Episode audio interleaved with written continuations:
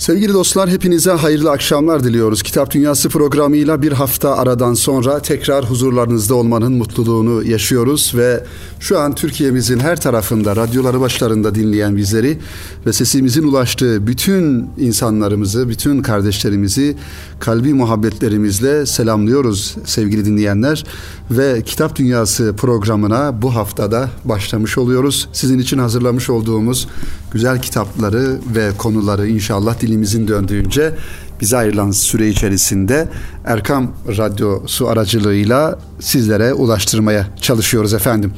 Efendim 15 Temmuz e, yakın zamanda inşallah e, daha doğrusu 15 Temmuz'un e, seneyi devriyesini yeniden ülkemiz olarak yaşayacağız. 15 Temmuz hain darbe girişiminin ülkemizde yaşatmış olduğu travmayı tabii ki bir kere daha e, yaşamamak kaydıyla o duyguları, o yaşanılan acıları bir kere daha görmemek kaydıyla e, yeniden hatırlamış olacağız.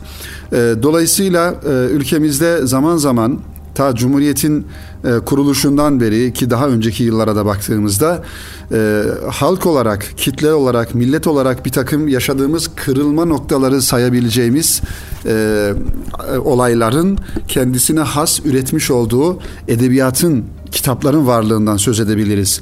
Mesela Çanakkale Savaşı'nın olduğu yıllarda Çanakkale Savaşı'ndan sonra e, oluşan edebiyat, oluşan kitaplar, romanlar, hikayeler, o e, savaş çerçevesinde yazılmış olan kitaplar bizim edebiyatımızda büyük bir yekün tutmaktadır. Ee, bunun gibi efendim Birinci Dünya Savaşı olsun uluslararası alanda baktığımızda Birinci Dünya Savaşı, İkinci Dünya Savaşı e, baktığımızda edebiyat alanında yazılan kitapların sevgili dinleyenler e, bir kısmı bu olayları anlatan, bu olayları konu edinen e, e, edebiyat kitapları, metinler olmuş oluyor. İşte 15 Temmuz darbe girişiminin de arkasından e, aynı şekilde yayın dünyasında, kitap dünyasında bu manada bir edebiyatın oluştuğunu söyleyebiliriz. Bunların bir kısmı e, siyasi sahiplerle yazılmış, siyasi söylemler ihtiva eden ama bir kısmı da olayın sosyolojik, psikolojik ve toplumsal tarafını ilgilendiren ve hem bireyler olarak üzerimizde oluşturmuş olduğu e, korkuyu, üzerimizde oluşturmuş olduğu e, tereddütleri ya da e, bir takım e, travmaları anlatmakla beraber aynı zamanda toplum olarak da üzerimizde oluşturduğu travmayı anlatan kitaplar olduğunu görüyoruz sevgili dinleyenler. E, onun için seneyi devriyesi dedik ve yıl dönümü e, dedik. Artık bu tür acı olayların e, yılında nasıl ifade edilir doğrusu e, bu acı olayı tekrar duygu bağlamında millet olarak yaşayıp o darbe girişiminde e, şehadet şerbetini içen kardeşlerimize insanlarımıza da Allah'tan rahmet diliyoruz. Tabii ki bu e, hadisede gerçekten dedik ki toplumsal olarak büyük bir travma yaşadık ve o travmanın izleri hala devam ediyor. Aynen bir büyük felati, felaket gibi, bir deprem gibi, efendim bir e, e, toplumsal bir savaş gibi adeta toplumumuzun üzerinde bir acı izler bırakmış oldu. Bir daha yaşamamayı Rabbimizden e, niyaz ediyoruz. Rabbimize dua ediyoruz sevgili dinleyenler. Nasıl dersler çıkarmamız gerekir oradan baktığımızda böyle hadiselerde? E, elbette ki ülkemizin içinde bulunmuş olduğu gerek e, stratejik durumlar, gerekse siyasi, efendim ekonomik atılımlar, bu durumlar e, elbette ki bazı güçlerin, bazı e, tarafların dikkatini çekiyor. Zaten dünya dünya baştan beri kurulduğundan beri bir mücadele alanı olarak e, kullanılıyor. E, özellikle son e, yıllarda, son yüz yıllarda diyelim e, dünyanın e, gerek e, maddi zenginlikleri gerekse manevi zenginlikleri diyebileceğimiz yani konum anlamında ülkelerin konumu anlamındaki durumları paylaşılmaz bir vaziyette ülkelerin birbirlerine karşı e, güç savaşları kullanarak kullandıkları bir e, dünyamız var. Onun için bizim geçmişimize baktığımızda tarihi olarak e, geçmişimize baktığımızda kıymetli dinleyenlerimiz e, Osmanlı Devleti'nin dünyaya e, hüküm sürdüğü, hüküm hakim olduğu dönemlerde iki bir dünya ve bir de onun yıkıldıktan sonraki arkasından kalan Türkiye'nin, Türkiye Cumhuriyeti'nin dünyaya sunmuş olduğu bir fotoğraf. Tabii ki yıllardan beri e, Türkiye'yi isti, istimlak etmek isteyen, daha doğrusu işgal etmek isteyen, hem fiziki anlamda hem de kültürel anlamda işgal etmek isteyen güçlerin bu ülkenin üzerindeki emellerini hepimiz biliyoruz. Onun için kendi ayaklarımız üzerine durabilecek, kendi derdimizi çözebilecek ve uluslararası arenada söz söyleyebilecek bir Türkiye'yi şüphesiz başkaları, başka güçler hiçbir zaman istemediler, istemeyecekler. Ve bunun içinde ülkede yani ülkenin içerisinde e, kendi maşaları olarak kullanabilecek bir takım güçler her zaman ihdas ederler, edebilirler. İşte hain 15 Temmuz darbe girişiminin aslında uzantısı tamamen dış güçlere dayanan, e, dış mihraklara dayanan bir e, yapısı var. Burada tabii ki hadisenin e, iç meselelerini e, belki başka ortamlarda, başka platformlarda konuşmak e, gerekir. Yani olayın e, bu krizin yönetilmesi noktasında yapılan hatalar, doğrular, yanlışlar e, vesaire. E, bunları farklı platformlara değerlendirmek gerekir. Ancak somut olan bir şey var ki, somut olan şu ki e, bu ülkenin askeri olduğunu söyleyen, bu ülkenin ordusunun mensup olduğunu söyleyen e, bir takım insanlar, e, efendim e, o askeri kıyafet içerisinde bulunan ama o silahı kendi halkına, kendi insanına yöneltip e, yönetmekle kalmayıp e, öldüren insanların ölümüne sebep olan efendim bir takım yerleri bombalayan, meclisi bombalayan e, ve bunların arka planında yapılan e, planlar bunların hepsi aşikar olmuş durumda. Asıl somut olan, müşahhas olan durum bu. Bunun üzerinde yoğunlaşmak gerekiyor.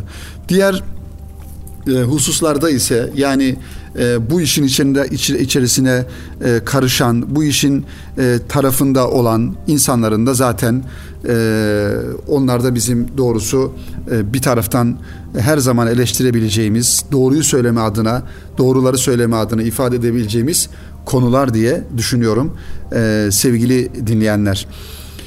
Şimdi e, bu konuyla alakalı kıymetli dostlar inşallah önümüzdeki hafta e, başka kitapları da bazı kitapları da sizlerle paylaşmaya devam edeceğiz. Paylaşacağız inşallah 15 Temmuz'la alakalı e, söylenmesi gereken e, sözleri de inşallah biraz daha kitaplara dayanarak önümüzdeki hafta ki programımızda anlatmaya çalışacağız.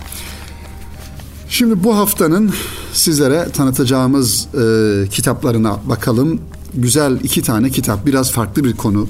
E, zaman zaman ülkemizde yine ilahiyat alanında, dini alanda aslında hiç gerekli olmadığı halde e, tartışmaya açılan, tartışılan ama hiçbir şekilde de bir sonuca varılmayan konulardan bir tanesi bu.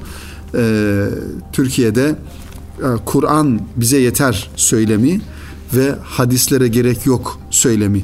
Bunlar söylem olarak ifade edilen ve maalesef bazı ilahiyatçı e, olduğunu söyleyen insanların ama bana göre kafa kafaları karışık olan ilahiyatçıların zaman zaman toplumun e, gündemine getirdiği ve tartışılan konular olduğundan dolayı Türkiye Diyanet Vakfı da belki bu tartışmalara bir e, son sözü e, söylemek, bir son noktayı koymak adına e, kıymetli yazar Enbiya Yıldırım'ın kaleminden iki tane kitap neşretmiş Türkiye Diyanet Vakfı yayınları.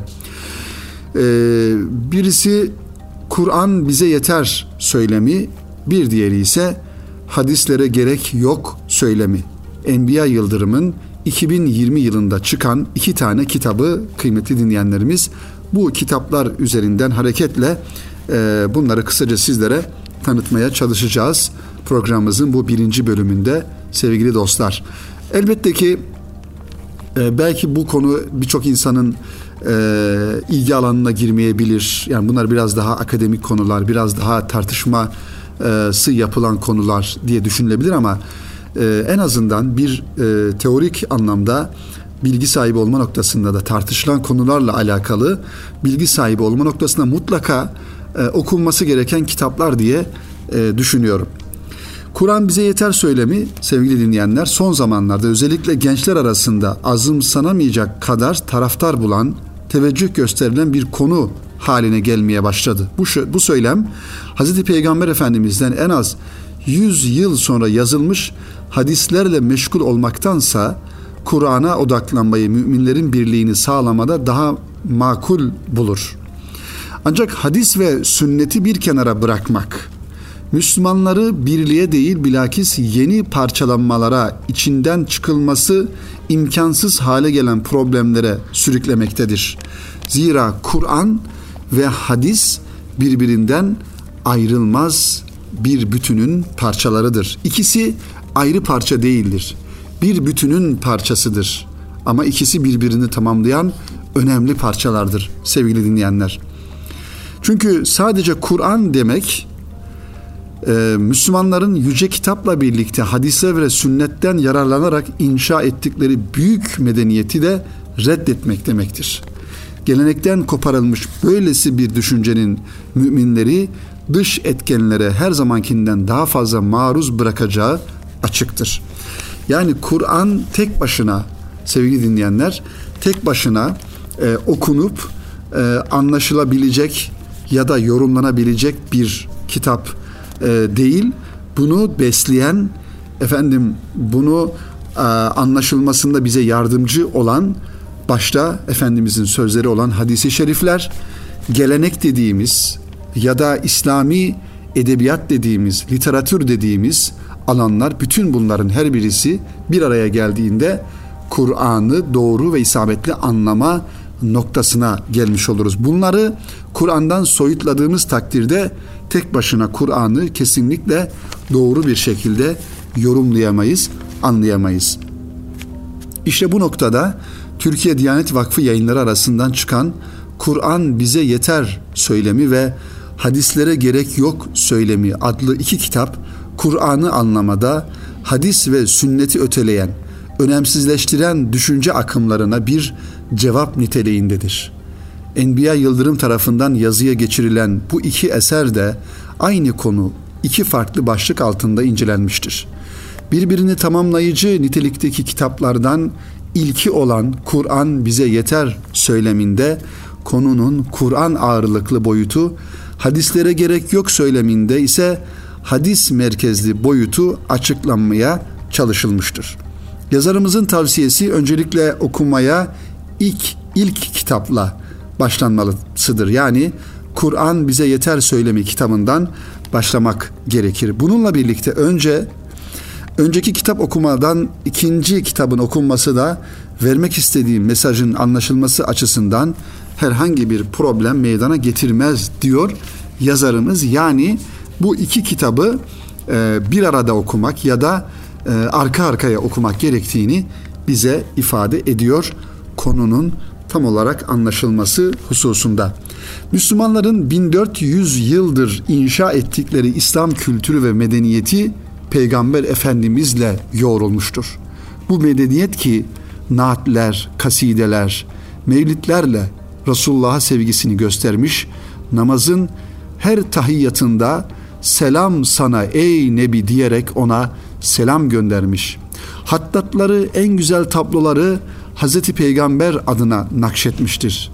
Ne yana bakarsak bakalım Peygamber Efendimiz'den bir iz taşıyan medeniyetin içinde yaşıyoruz ve biz o medeniyetin mensuplarıyız ki ne mutlu bize. Hayata bakışımız, insanlarla ilişki tarzımız, toplumsal hayata dair inşalarımız onunla hep Peygamber Efendimizle belirlenmiştir.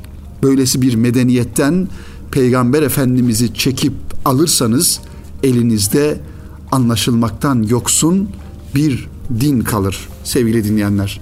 Bu noktadan hareketle yazar şu soruları gündeme taşıyor. Müminlerin Hz. Peygamber'in yolundan giderek inşa ettiği binayı yıktığımız takdirde yerine kimin anlayışına göre ne ve nasıl inşa edilecektir? Kimin İslam yorumuna göre kültür ve gelenek geliştirip medeniyet kuracağız? bireylerin insafına ve anlamasına terk edilmiş bir dinin vahdeti, birliği, tevhidi sağlaması mümkün müdür? Hadisleri bir kenara koyduğumuzda tüm ihtilafların biteceğini, bitir, bitirileceğini ve Kur'an metninin herkes tarafından aynı şekilde anlaşılacağını savunan bu düşünce akımının göz ardı ettiği şey hadisler ve sünnet olmaksızın Kur'an'la baş başa kalındığında her ferdin son kitabı farklı yorumlayacağı, Müslümanlar sayısınca din anlayışı ortaya çıkacağı, bunun da Müslümanları kaosa ve büyük bir çıkmaza sürükleyeceğidir. Yani sevgili dinleyenler, Kur'an bize yeter diyen, haşa hadislere ne gerek var diyen, hadisler tarihseldir, zamanında söylenmiş ve miadı dolmuştur diyen anlayış aslında bir medeniyet kuramayacak. Kurulmuş bir medeniyetin de e, mensuplarının kafalarını kafasını karıştırmaktan öteye bir şey yapmamış oluyor. Kur'an pek çok ayet-i kerimede Peygamber Efendimiz'e itaati emreder. Ali İmran suresinin 31. ayet-i kerimesinde Resulüm de ki eğer Allah'ı seviyorsanız bana uyunuz ki Allah da sizi sevsin ve günahlarınızı bağışlasın. Allah son derece bağışlayıcı ve esirgeyicidir. Eğer sadece Kur'an söylemi yeterli olsaydı Allah yalnızca Kur'an'a uymayı emreder. Bu ayetteki gibi Peygamber Efendimiz'e itaatle ilgili bir talepte bulunmazdı. Burada Peygamber Efendimizin aleyhisselamın yüce Allah tarafından yalnızca vahyi ileten bir peygamber değil, yaşayış anlamında da peşinden gidilmesi gereken örnek bir şahsiyet şeklinde belirlendiğini de görüyoruz. Haşa, haşa ve haşa peygamber efendimiz sadece bir posta görevi mi görecek, görüyordu sanki. Bir e, sadece mesajı getirip iletme görevi mi görüyordu? Elbette ki hayır. Peygamber Efendimiz hem o mesajı iletmekle görevli olmakla beraber Efendimiz'e Rabbimizden gelen vahyi yaşayıp anlatmak ve yaşatmakla da aynı şekilde görevliydi. Yazar ilk kitapta Kur'an bize yeter kabulünün çıkma, açmazlarını ve çıkmazlarını bu örnekteki gibi yine Kur'an'ı merkeze alıp özellikle Arapça metinlere yer vererek ayrı ayrı başlıklar altında irdeliyor. İkinci kitapta ise hadisin kaynak oluşunu kabul etmeyenleri ikna etmek için ne kadar ikna etmeye gerek var ayrı bir konu tabii ki. Akli delilleri önceleyerek hadis kullanmadan hadisi savunan bir çalışma ortaya koymuştur. Hadis ve sünnet tarih boyunca Kur'an'ın anlaşılması noktasında temel kaynak teşkil etmiş Müslümanların inanç, ibadet ve ahlak esaslarını, dünya görüşlerini, hayat tarzlarını ve değer yargılarını belirlemiştir. Hadisin bizim hayatımızda hayatımızı tanzim edici bir özelliği vardır sevgili dinleyenler. Farklı coğrafyalarda farklı dilleri, farklı kültürleri teneffüs eden Müslümanların ortaya koyduğu maddi ve manevi bütün eserlerde Kur'an'ın ve sünnetin izleri vardır. Nesilden nesile aktarılan bu izler tarihsel mirasımızdır. Eski olmakla birlikte eskimeyen bu değerlerimizi görmezden gelerek yeni bir medeniyet inşasına sıfır noktasından başlamak ümmeti tevhid değil tefrika bataklığına sürükler. Evet, işte bizler de başta ifade ettiğimiz gibi bu konulara kafa yoruyorsak ve yormak istiyorsak ki yormalıyız, o zaman bu kitapları okumalıyız sevgili dinleyenler. Hadis ve sünnet olmazsa ne olur sorusunu merkeze alarak yola çıkan bu iki değerli eseri e, mutlaka okuyalım ve kütüphanemizde bulunduralım. Diyanet Vakfı yayınlarından çıkan Enbiya Yıldırım imzasını taşıyan sevgili dinleyenler, Kur'an bize yeter söylemi ve hadislere gerek yok söylemi iki tane kitap e, güzel e, okunması gereken ve bu konuda da ufuk veren bize iki tane güzel kitabı sizlere aktarmış olduk. Sevgili dinleyenler programımızın bu bölümünde şimdi kısa bir ara verelim. Kalan 10 dakikamızda da inşallah diğer kitaplarımızı dilimizin döndüğünce sizlere aktaralım ve programımızı bitirelim. Şimdi kısa bir araya gidiyoruz sevgili dinleyenler ve aranın ardından kaldığımız yerden devam edelim efendim. Sevgili dinleyenler tekrar huzurlarınızdayız. Kitap Dünyası programıyla kaldığımız yerden devam ediyoruz. Kıymetli dinleyenlerimiz radyolarını yeni açan siz sevgili dostlarımızı e, tekrar selamlıyoruz ve şöyle bir hatırlatmada bulunmak istiyorum kıymetli dinleyenlerimiz. Birinci bölümde Enbiya Yıldırım'ın Diyanet Vakfı yayınlarından çıkan iki tane güzel kitabını sizlere aktardık. Kur'an bize yeter söylemi ya da hadislere gerek yok söylemi e, son zamanlarda belli ilahiyatçılar e, tarafından tartışılan hatta ilahiyatçı olmayan insanlar tarafından e, tartışılan bir konu. Bizim de bu konuda eğer bir bilgi sahibi olma gayretimiz varsa bu kitapları mutlaka okumalıyız. Ketebe yayınlarından çıkan 140 sayfalık bir kitapla devam ediyoruz. Avarelik Görgüsü Ahmet Murat'ın kaleme almış olduğu güzel bir kitap sevgili dinleyenler. Ahmet Murat'ın deneme yazılarını bir araya getirdiği Avarelik Görgüsü Ketebe Yayınları arasında okurla buluştu. Kitaptaki yazılar naif ve tekrar tekrar okunacak nitelikte. Ayrıca okunman, okurken düşünmenin lezzetini de okuruna sunabiliyor sevgili dinleyenler. Tabii insanın hayatında okuma e, yaparken kıymetli dostlar e, dönem dönem farklılıklar e, arz edebilir bu okuma şekli ya da e, insanın kendi ihtiyacına göre e, belli kategorilerde mutlaka okumalar yapması gerekiyor. Bunu zaman zaman Kitap Dünyası programında e, aktarıyoruz sizlere. Neyi, nasıl, niçin, ne zaman ve nerede okumak lazım? Sorularımız bu. E, ne, neyi okumak lazım, nasıl okumak lazım, nerede nasıl ve ne zaman okumak lazım? Bu soruların cevaplarını zaman zaman e, programımızda veriyoruz ama e, temel olarak aslında e, sorunun soruların temel cevaplarından bir tanesi şu neyi okumamız e, sorusunun cevabı bize bizi biz yapan, bizim gönül dünyamızı inşa eden, imar eden kitaplardan başlamalı. Yoksa kafa karışıklığına sebep olur. Yanlış yerden başlamış oluruz ve bir türlü ulaşmamız gereken hedefe ulaşmamış oluruz sevgili dinleyenler. Onun için deneme türü kitaplar, fikir kitapları da mutlaka bizim fikir hayatımızı, hayatımızın akışında olaylara bakışımızı besleyen ve bize bir perspektif kazandıran, bakış açısı kazandıran kitaplardır. Mutlaka bu kitapları da e, okumamız gerekir sevgili dinleyenler. Ahmet e, Murat'ın denemelerini okumaya başladığınızda çoğu sefer bir tür sekine hali size eşlik eder. Bazen de rahatsız olursunuz. Bu tuhaf diyalektiği başka yazarlarda da bulabilirsiniz ama Ahmet Murat'ın farkı çok doğal bir akışla bunu gerçekleştirmesidir.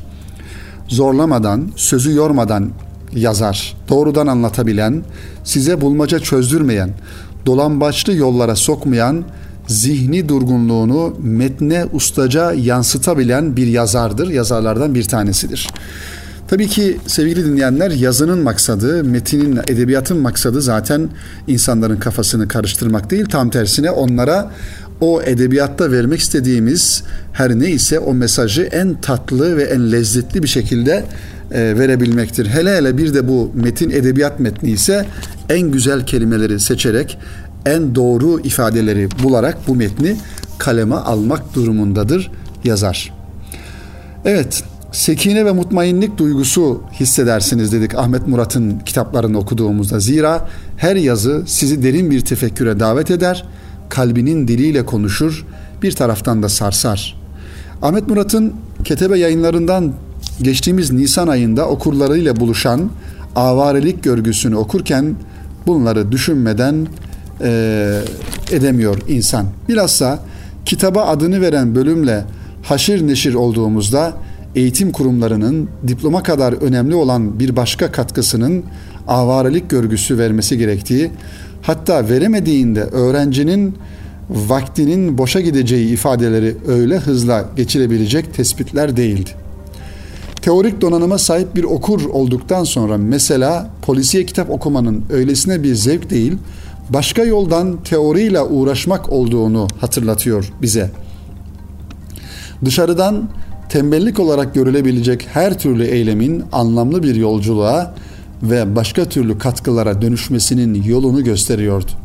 Tanpınar gibi Beyoğlu'nda öylesine yürüdüğümüzde, Mehmet Genç gibi saatlerce Wagner dinlediğimizde, Heidegger gibi kara ormanda geziye çıktığımızda tembellik değil, avarelik yapmış olacağımızı, zihinlerimizi durulma ve mayalanma sürecine sokacağımızı söylüyordu. Bir görgü edinmeye davet ediyor bizi.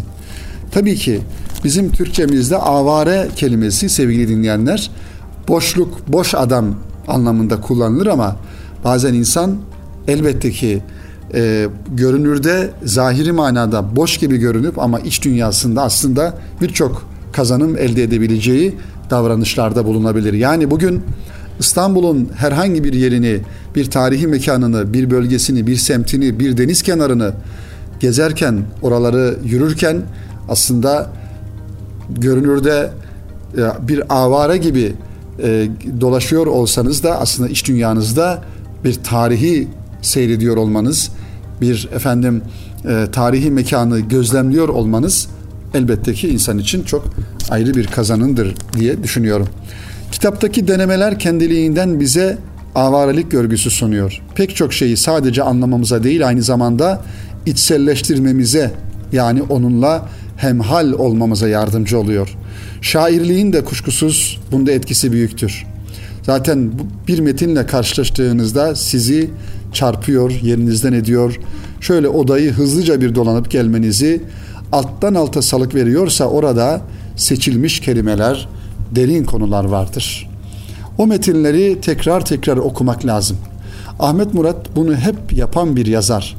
Kuşlarla sohbetin şartları ki bu kitabı da e, programlarımızda tanıtmıştık sizlere. Ve belki de üzülmeyiz isimli kitabı da yer alan denemelerde öyledir. Cemil Meriç, Tanpınar, efendim Cahit Zarifoğlu e, gibi e, isimlerin kaleme almış olduğu metinler gibi derin ve sessiz alttan aka alttan alta akan metinlerdir bu kitaptaki metinler. Evet, 32 denemeden oluşan avarelik görgüsündeki yazıların bir kısmı Nihayet dergisindeki dosyalardan geliyor. Evet, bu tabi e, Nihayet dergisi malumunuz Yeni Şafak gazetesi bünyesinde çıkan bir dergi ve Ahmet Murat da e, zaman zaman orada yazan bir e, isim. Bu yazıları bu kitabın sayfalarında yeniden okurken ayrıca mutlu olduğumuzu ve aslında her okuyuşumuzda daha fazla istifade edeceğimizi de e, ifade etmek lazım. Bir de Ahmet Murat'ın okuma ve yazma eylemleri hakkında daha önceki e, eserlerinde sıklık sıklıkla karşılaştığımız sarsıcı tespitleri de e, bu kitapta olduğunu ifade etmek lazım. Kitaplardan bir bilinç, kitaplarla aydınlanmak, kitaplarla ısınmak, fikrine katılmıyorum çünkü seni seviyorum bölümlerinin bu gözle okunması gerekir.